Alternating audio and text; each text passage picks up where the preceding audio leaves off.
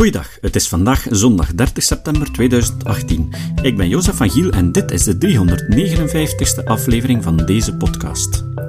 Meer dan 150 jaar na de publicatie van On the Origin of Species van Charles Darwin blijft creationisme ontzettend populair.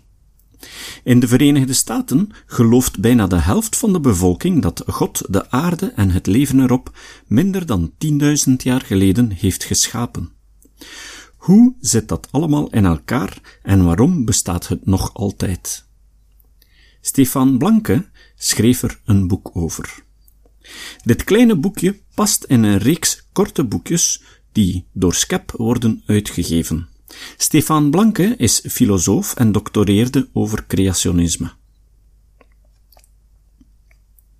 De schepping na Darwin. Goedenavond iedereen.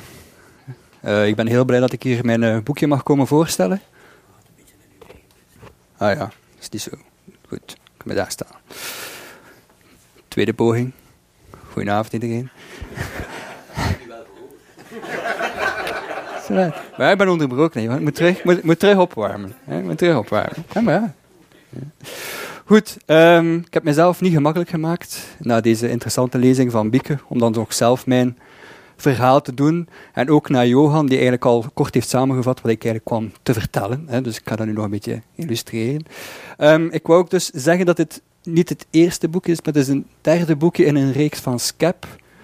Uh, het eerste was over uh, samenzweringstheorieën, geschreven door Brecht de Koenen. Het andere was De Ster van Bethlehem, over Tim Trachet. En mijn boekje over het creationisme is dus het derde boekje in de reeks. En dat gaat dus over creationisme. En als ik het heb over creationisme, gaat het over het moderne creationisme. Want het creationisme zelf, de overtuiging dat God de wereld heeft geschapen, bestaat eigenlijk al eeuwenlang. De evolutietheorie bestaat iets meer dan 150 jaar, maar de overtuiging dat God de schepper is van alles en van, van de mens bestaat eigenlijk al heel erg lang. Dus ik heb ook discussies nu met creationisten, omdat ik zeg van ja, je hebt het moderne creationisme en dat is een recent verschijnsel, die dan zeggen van nee, nee, maar onze traditie is al veel langer en ze hebben daar gelijk in, maar ik wil spreken over het moderne creationisme. En om dat een beetje te kunnen, moet ik het dus een beetje afbakenen. Dus waar heb ik het vooral over als ik het heb over modern creationisme? Dat gaat over verzet tegen de evolutietheorie. Ja. Dat neemt eigenlijk een aanvang in de Verenigde Staten. Begin van de 20e eeuw. Ik ga niet de hele geschiedenis uh, uitleggen, u kunt dat lezen in mijn boekje. Uh, maar je ziet dat daar een aantal organisaties, een aantal mensen het voortouw nemen om fundamentele christenen uh, aan te moedigen om zich te verzetten tegen het aanleren van de evolutietheorie. En dus in een aantal Amerikaanse staten, waaronder Tennessee, worden er wetten aangenomen aan het begin van de jaren 1920 die expliciet verbieden dat je de evolutietheorie aanleert aan kinderen. Dus ze willen enkel maar het scheppingsverhaal brengen. Dat geeft inderdaad aanleiding tot het Scopes-proces, waarbij dat er een uh, leerkracht wordt beschuldigd uh, van het feit dat hij inderdaad de evolutietheorie heeft aangeleerd. Ja. Dit is een afbeelding uit die tijd.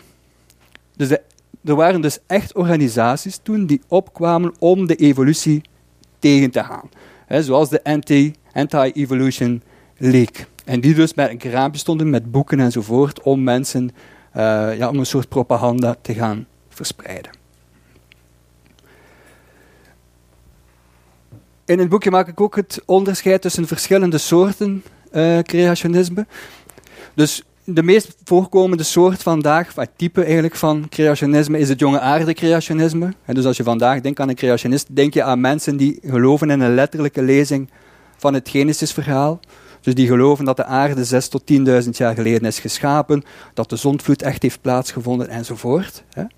Maar je hebt ook oude aarde creationisme dat zijn mensen die erin slagen om de overtuiging dat de wereld miljoenen jaren oud is, te verbinden met een lezing van het Genesis-verhaal. Ze doen dat bijvoorbeeld door de dagen in het Genesis-verhaal te interpreteren als hele lange periodes. Uh, en ik moet zeggen, de anti evolutionairen uit de beginperiode, uit de jaren 1920, waren meestal van die oude aardecreationisme. Het jonge aardecreationisme, vreemd genoeg, is populairder maar geworden later, in de jaren 1960. Ja, en sindsdien heeft zich dat wijd verspreid. En dan heb je nog een recente tak aan de boom van het creationisme, namelijk intelligent design. intelligent ontwerp, um, die probeert om zo wetenschappelijk mogelijk te lijken. Dat heeft te maken met de Amerikaanse grondwet, waar je de scheiding tussen kerk en staat hebt. Dus creationisten proberen steeds zo wetenschappelijk mogelijk te lijken, om ervoor te zorgen dat ze er niet van kunnen beschuldigd worden dat ze religieuze overtuigingen verspreiden. En intelligent design zegt eigenlijk van wij nemen geen letterlijke lezing aan van de Bijbel, dat interesseert ons niet, dat beweren ze althans. We zeggen ook niet wie dat God is, maar we vinden wel duidelijke bewijzen in de natuur, in de wereld, die aantonen dat je hier met een ontwerper hebt te maken. Zaken die zodanig complex zijn dat die nooit door natuurlijke processen tot stand kunnen komen, maar dat je dus een intelligent ontwerper nodig hebt die de zaken bedenkt en ook op een of andere manier heeft ontworpen en in elkaar heeft gestoken. Een dergelijk argument, dat, dat is eigenlijk het ontwerpargument. dat is een heel oud argument dat al ontwikkeld was door natuurtheologen in de 16e, 17e, 18e eeuw. Mensen zoals uh, William Paley en uh, Bernard Nieuwentijd. Um, die moet ik vermelden van Johan, want anders krijg ik onder mijn voeten. die dus... Kijk, maar nu doe ik het dan. Ja. Um, dus mensen als, als Bernard Nieuwentijd en, en William Paley, die zeiden van kijk, als je een steen vindt in de natuur, dan is er niks aan die steen dat je zou vermoeden dat die door iets anders tot stand is gekomen dan natuurlijke processen. Maar als je een mechanisch uurwerk vindt, hè, dan die complexiteit van dat uurwerk met die radertjes en die mechaniek, dan ga je meteen besluiten dat je te maken hebt met een horlogemaker, met een uurwerkmaker. En dan maken ze eigenlijk de sprong naar de natuur en ze zeggen dan, maar kijk, als je geconfronteerd wordt met een menselijk oog, dat is heel complex, dat, hè, je hebt al die deeltjes en die moeten samenwerken om een bepaalde functie te kunnen uitoefenen. namelijk, ze moeten ons in staat stellen, een oog stelt ons in staat om te kijken.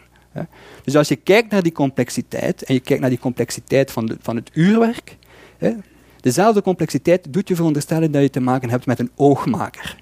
En dat is eigenlijk het argument dat creationisten steeds opnieuw herhalen. Of dat je nu te maken hebt met jonge aarde-creationisme, oude aarde-creationisme of intelligent design, dat blijft het centrale argument eigenlijk. Er zijn duidelijk tekenen van Godschepping te vinden in de natuur.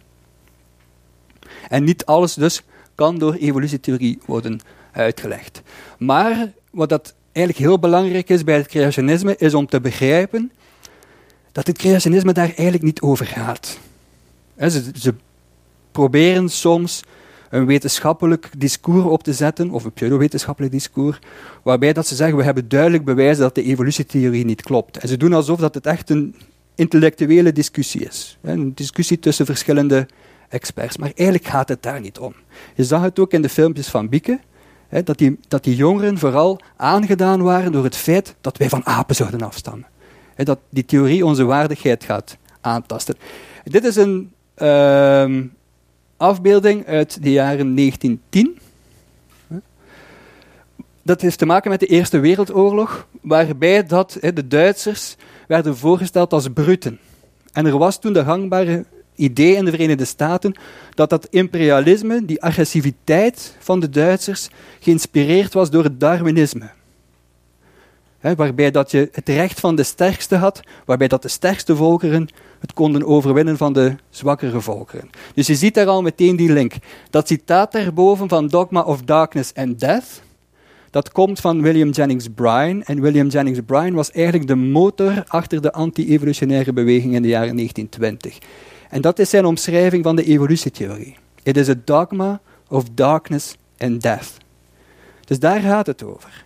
Als je de evolutietheorie gaat aanvaarden, dan zijn wij slechts dieren, dan zijn wij slechts apen. En dat heeft allemaal verschrikkelijke gevolgen voor mens en voor maatschappij. Dit is een afbeelding uit de jaren 60, van, uit een jonge aardecreationistische groepering, waarbij dat je dus duidelijk ziet, don't teach our kids they come from apes. leer niet aan onze kinderen dat ze van apen afstammen, want dan krijg je dit evolution, Darwinisme, dan gaan ze met getrokken messen naar de school en gaan ze elkaar afmaken. Dus dat, dat mensbeeld is eigenlijk zeer belangrijk. Je ziet dat ook als Darwin zijn theorie over de mens, over de evolutie van de mens gaat publiceren, dat er dan cartoons verschijnen, zoals er eentje staat op de cover van het boekje, waarbij dat het hoofd van Darwin op een apenlichaam wordt geplaatst. Dus dat, Darwin zijn theorie wordt meteen bekend als de apentheorie. En dat blijft dus hangen ook bij het creationisme. Dit zijn afbeeldingen die komen van de website van uh, Answers in Genesis. En Answers in Genesis is eigenlijk de grootste jonge aarde creationistische organisatie in de Verenigde Staten. Kan je het zien van achter? Dus links heb je hè, God, uh, de mens die in het ja, licht des aanschijns van God staat. En Genesis, God created all animals, God created man in his own image. En dan heb je daar die, die aap bij met zijn banaan die dan bij een vraagteken staat. Oh, ik weet niet, eigenlijk niet wat er, wat er gebeurt. Hè. Dus de boodschap is, van, hoe kunnen wij in godsnaam van apen afstammen? Hè? Als je ziet hoe dat wij zijn, we zijn gemaakt naar Gods gelijkenis. En dan heb je die dwaze aap met zijn banaan. Hier rechts heb je de mens die tegen die aap zegt, I can think, ik, dus kan denken, ik kan muziek uh, componeren, ik kan bruggen bouwen, ik kan uh, met vliegtuigen vliegen, ik kan computers maken. En wat kan jij dan?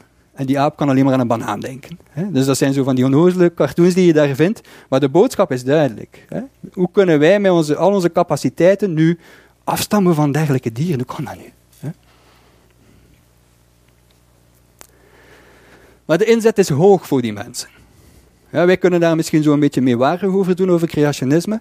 Maar creationisme komt eigenlijk met de volledige, hele conservatieve, uh, fundamenteel gelovige cultuur eigenlijk. En zij zien vooral in de Verenigde Staten, dus daar heb je zo de, de Bible daar heb je van die diep religieuze groeperingen en, en communes en gemeenschappen.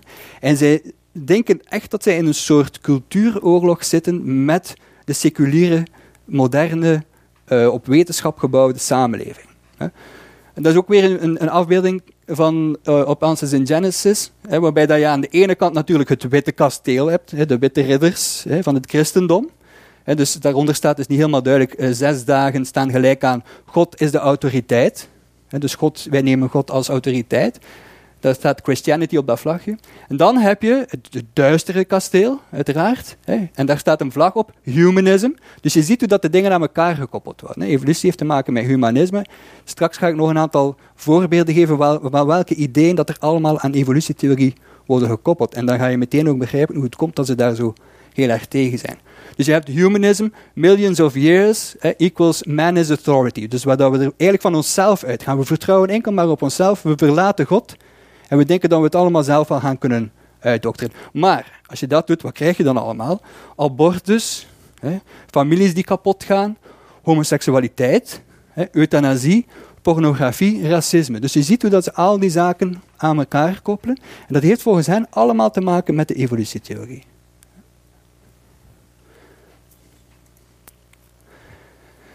Heel populair zijn ook dergelijke afbeeldingen.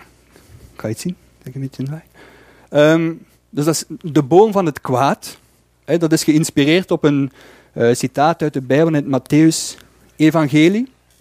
Waarbij dat je dus de boom van de evolutie hebt. En slechte bomen brengen bittere vruchten voor. Is zo'n dergelijk citaat. En dus als je een slechte boom hebt, namelijk de boom van de evolutie, wat groeit er allemaal aan die takken, aan, die, aan die boom? Zaken zoals drugs, communisme, euthanasie, New Age religies, uh, radicaal feministische bewegingen waarmee dat, dat, dat wil eigenlijk gewoon zeggen feminisme. Hè. Bij is dat zo. Uh, humanisme en nazisme. Dus je ziet hoe dat heel verschillende zaken die wij uit elkaar zouden houden, en sommige vinden wij ook fout, hè, maar andere zaken vinden wij belangrijk, maar voor hen is dat allemaal goddeloos. Dus ze smijten dat gewoon allemaal op één hoop, en dat wordt allemaal veroorzaakt door het feit dat de mens niet langer meer in God gelooft, niet meer langer in de Bijbel gelooft, maar denkt zelf de zaken te kunnen uitdokteren en dan zo mijn evolutietheorie afkomt, hè, om uh, God toch maar aan de kant te kunnen duwen. Ze beschouwen de evolutietheorie eigenlijk als een, ja, een, een, een goddeloos scheppingsverhaal. Dat wordt gelanceerd door atheïsten, immorele mensen, die eigenlijk op die manier God proberen uit de wereld te bannen. En dan heb je natuurlijk de, de dappere christelijke soldaat die met zijn bijl de boom van de evolutie omhakt. Nog een voorbeeldje van zo'n boom. Dat is eigenlijk wel heel grappig. Uh, dus aan de onderkant heb je, ook om eens te tonen hoe dat die zaken allemaal aan elkaar gelinkt worden. Onderaan heb je ongeloof, hè, unbelief. En dan heb je allemaal pijltjes en dat is allemaal zonde. Sin, sin, sin. dus de zonde wordt veroorzaakt door het feit dat je niet in God gelooft. dus je bent ook compleet immoreel. Dan heb je in de stam heb je biologische evolutie. Dus de wetenschappelijke theorie volgens... Wetenschappelijk dus ook, want volgens hen is het helemaal niet wetenschappelijk de biologische evolutie. En wat groeit er dan allemaal uit die biologische evolutie dan het ongeloof. Dingen zoals abortus, homoseksualiteit, seksuele opvoeding, zedeleer, drugs, alcohol, zelfmoord, relativisme, vuile boekjes, vrouwen- en kinderrechten, heel gevaarlijk, secularisme, hardrock en inflatie. Allemaal het gevolg van de evolutietheorie.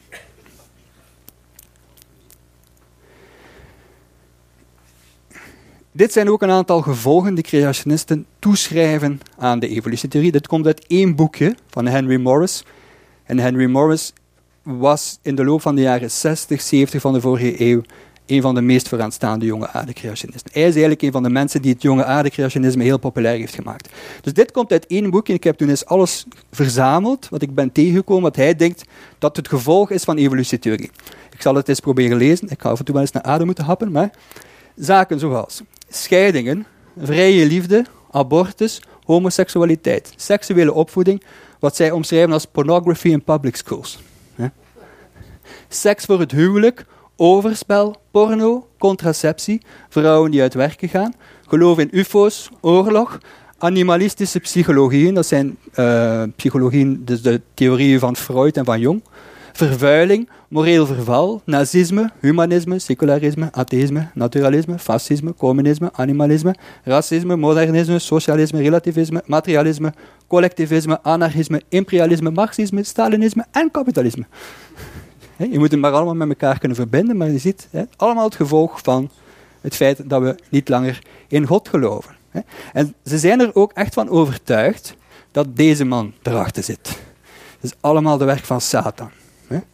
Dus daarom ook is het voor mensen heel moeilijk, soms als je in zo'n diep, fundamenteel, diep fundamentele gemeenschap leeft, zo'n zwaar eh, conservatief religieuze gemeenschap leeft, dat als je de evolutietheorie zou gaan aanvaarden, dat je dan toegeeft aan de duivel.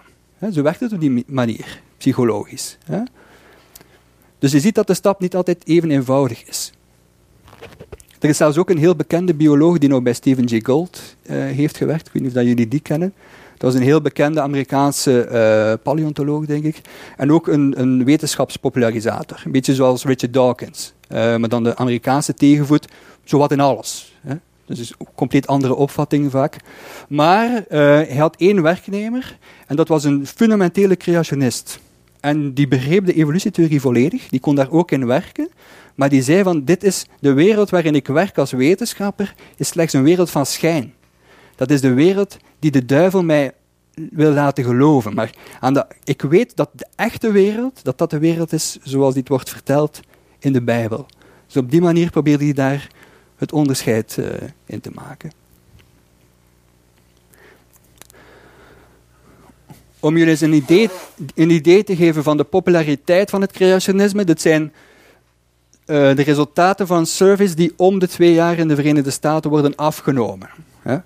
Je ziet, dat is, ik had het zelf niet goed lezen, maar dat is vanaf begin jaren 90 tot begin jaren, tot ergens in 2000. Um, ehm, waarbij dat je drie categorieën krijgt. Aan de ene kant heb je de, jongen, de mensen die geloven dat uh, God de wereld heeft geschapen zoals we die vandaag nog steeds aantreffen.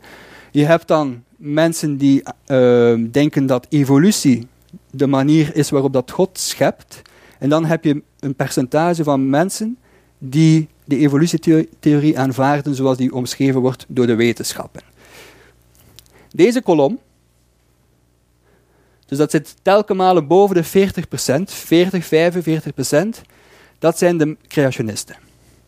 dus 40, 45% van de Amerikaanse bevolking gelooft dat God de mens en de wereld heeft geschapen zoals we die vandaag aantreffen.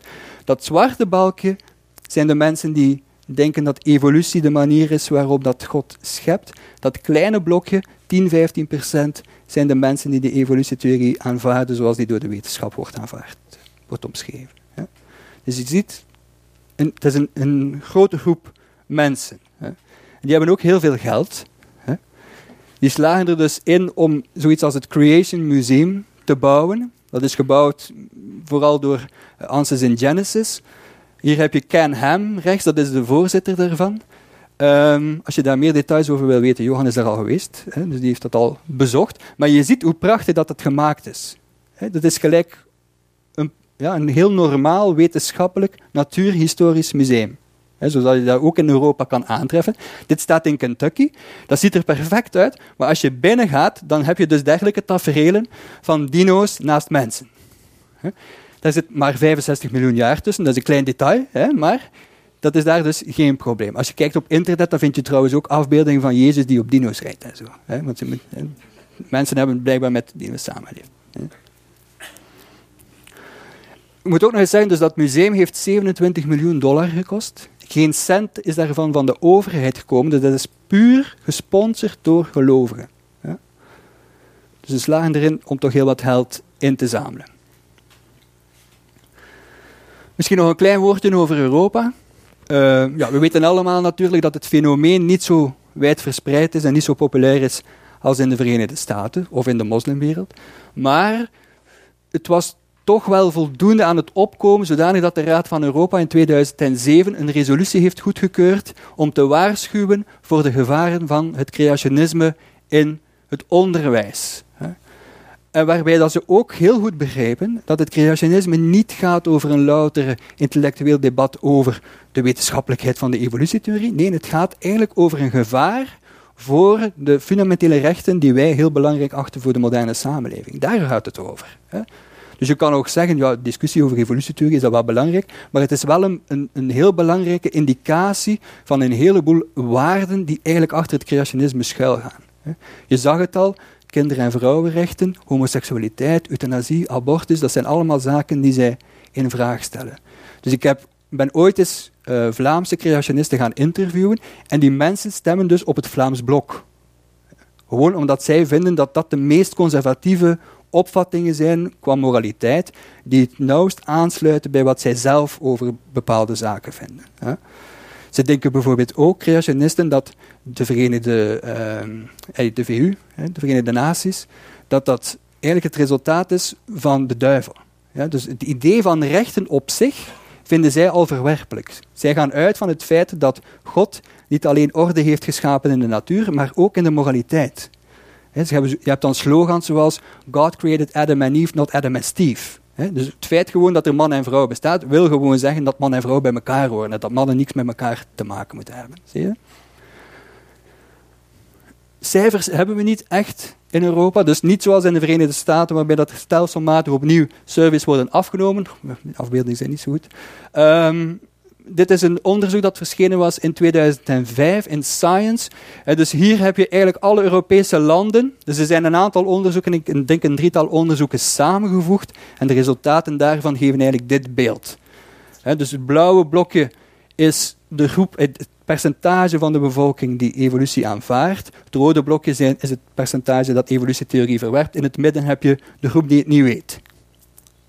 Dus je ziet dat alle Europese landen op Turkije na, als we dat als een Europees land mogen beschouwen, boven de Verenigde Staten zitten.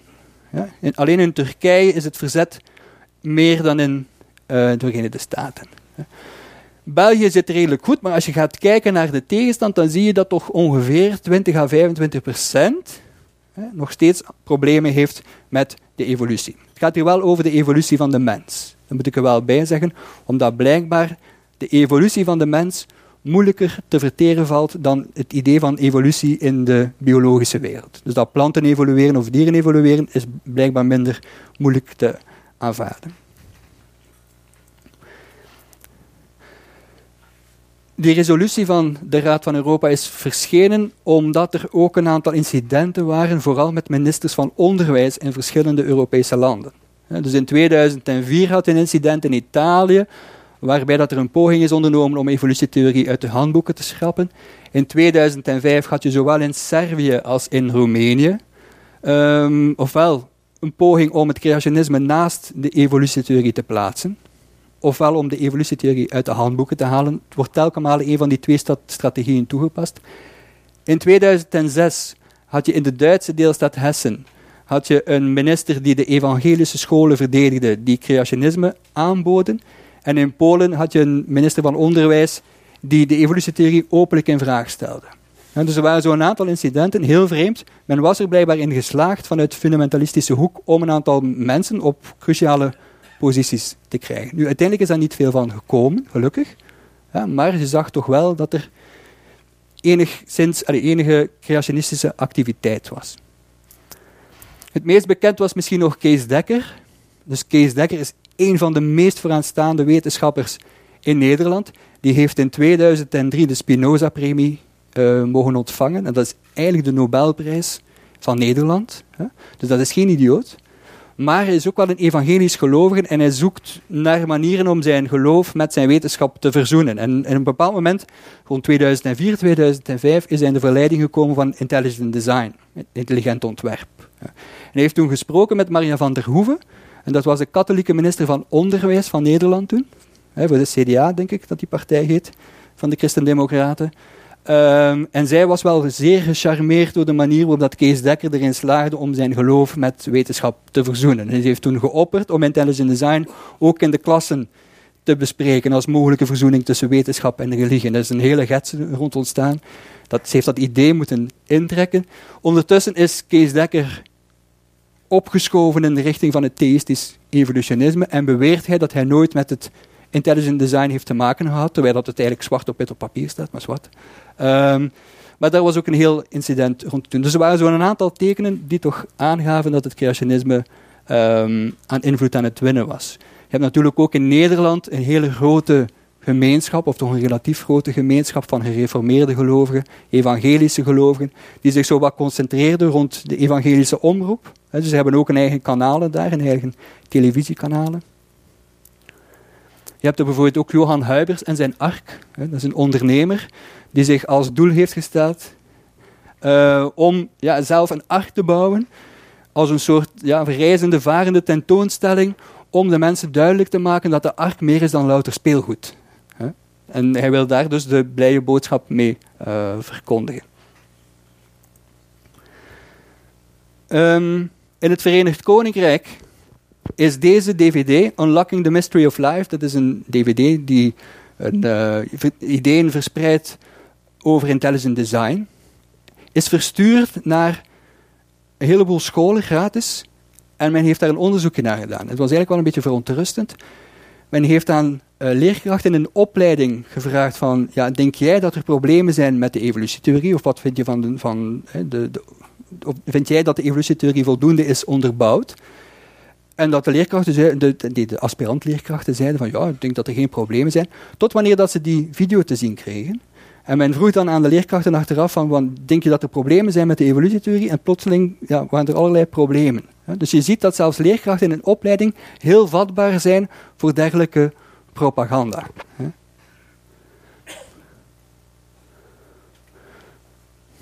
Dus je ziet ook dat in Europa, bijvoorbeeld in Polen, heb je nog heel sterk rooms-katholiek creationisme. In Rusland, binnen de orthodoxe kerk, heb je ook een heel sterke conservatieve stroming die dweept met het creationisme. En zeker onder Poetin, uiteraard, krijgen zij meer politieke uh, bewegingsruimte.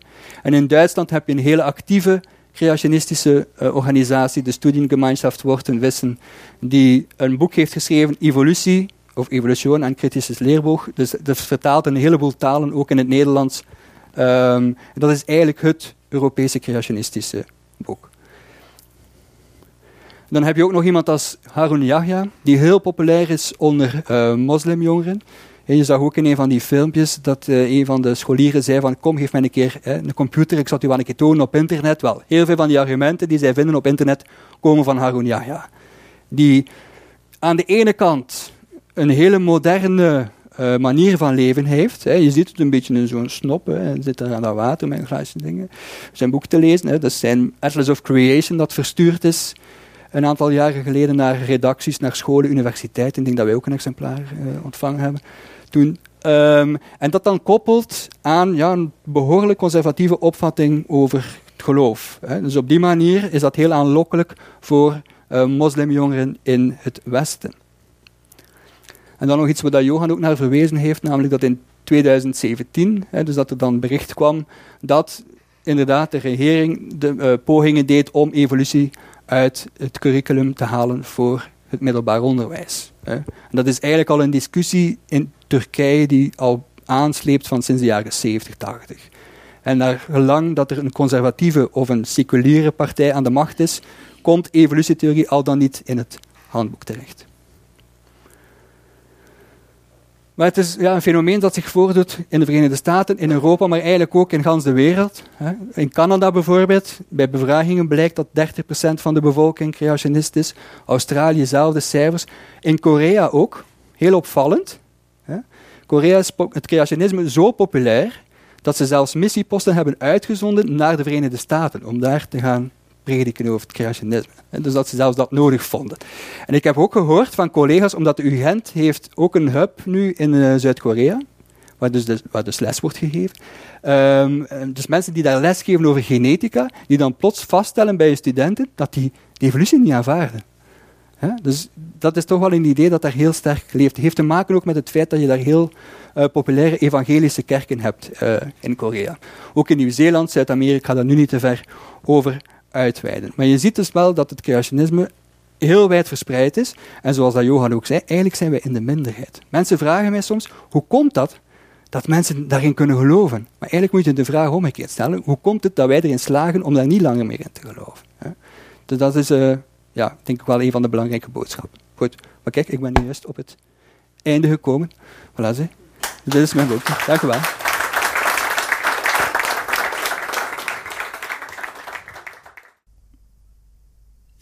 Je kan dit boekje van ongeveer 80 bladzijden kopen bij ASP. En als je lid bent van SCEP, krijg je ook nog korting. Het citaat. Het citaat van vandaag komt van Madeleine Murray. Murray was de stichter van American Atheists Organization en een toonaangevende feministe. Murray zei: Een atheïst gelooft dat hospitalen zouden moeten worden gebouwd in plaats van kerken. Een atheïst gelooft dat een daad moet worden gesteld in plaats van een gebed. Een atheïst streeft naar betrokkenheid in het leven en geen ontsnapping naar de dood. Hij wil ziekten overwinnen, armoede bestrijden en oorlog elimineren. Tot de volgende keer. Deze podcast is het resultaat van het werk van veel mensen. Rick de Laat verbetert bijna al mijn teksten en maakt de meeste vertalingen. Emiel Dingemans verzorgt onze website en Facebookpagina.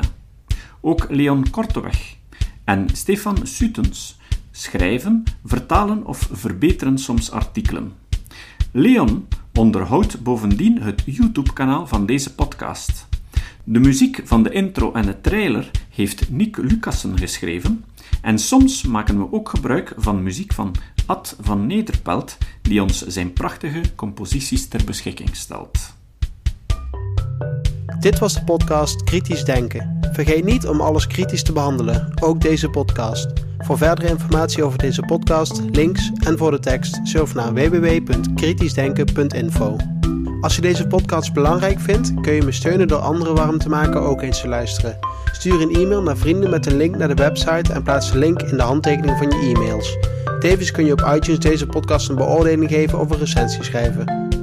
Of je kan op je eigen website of blog een link naar kritisch denken plaatsen.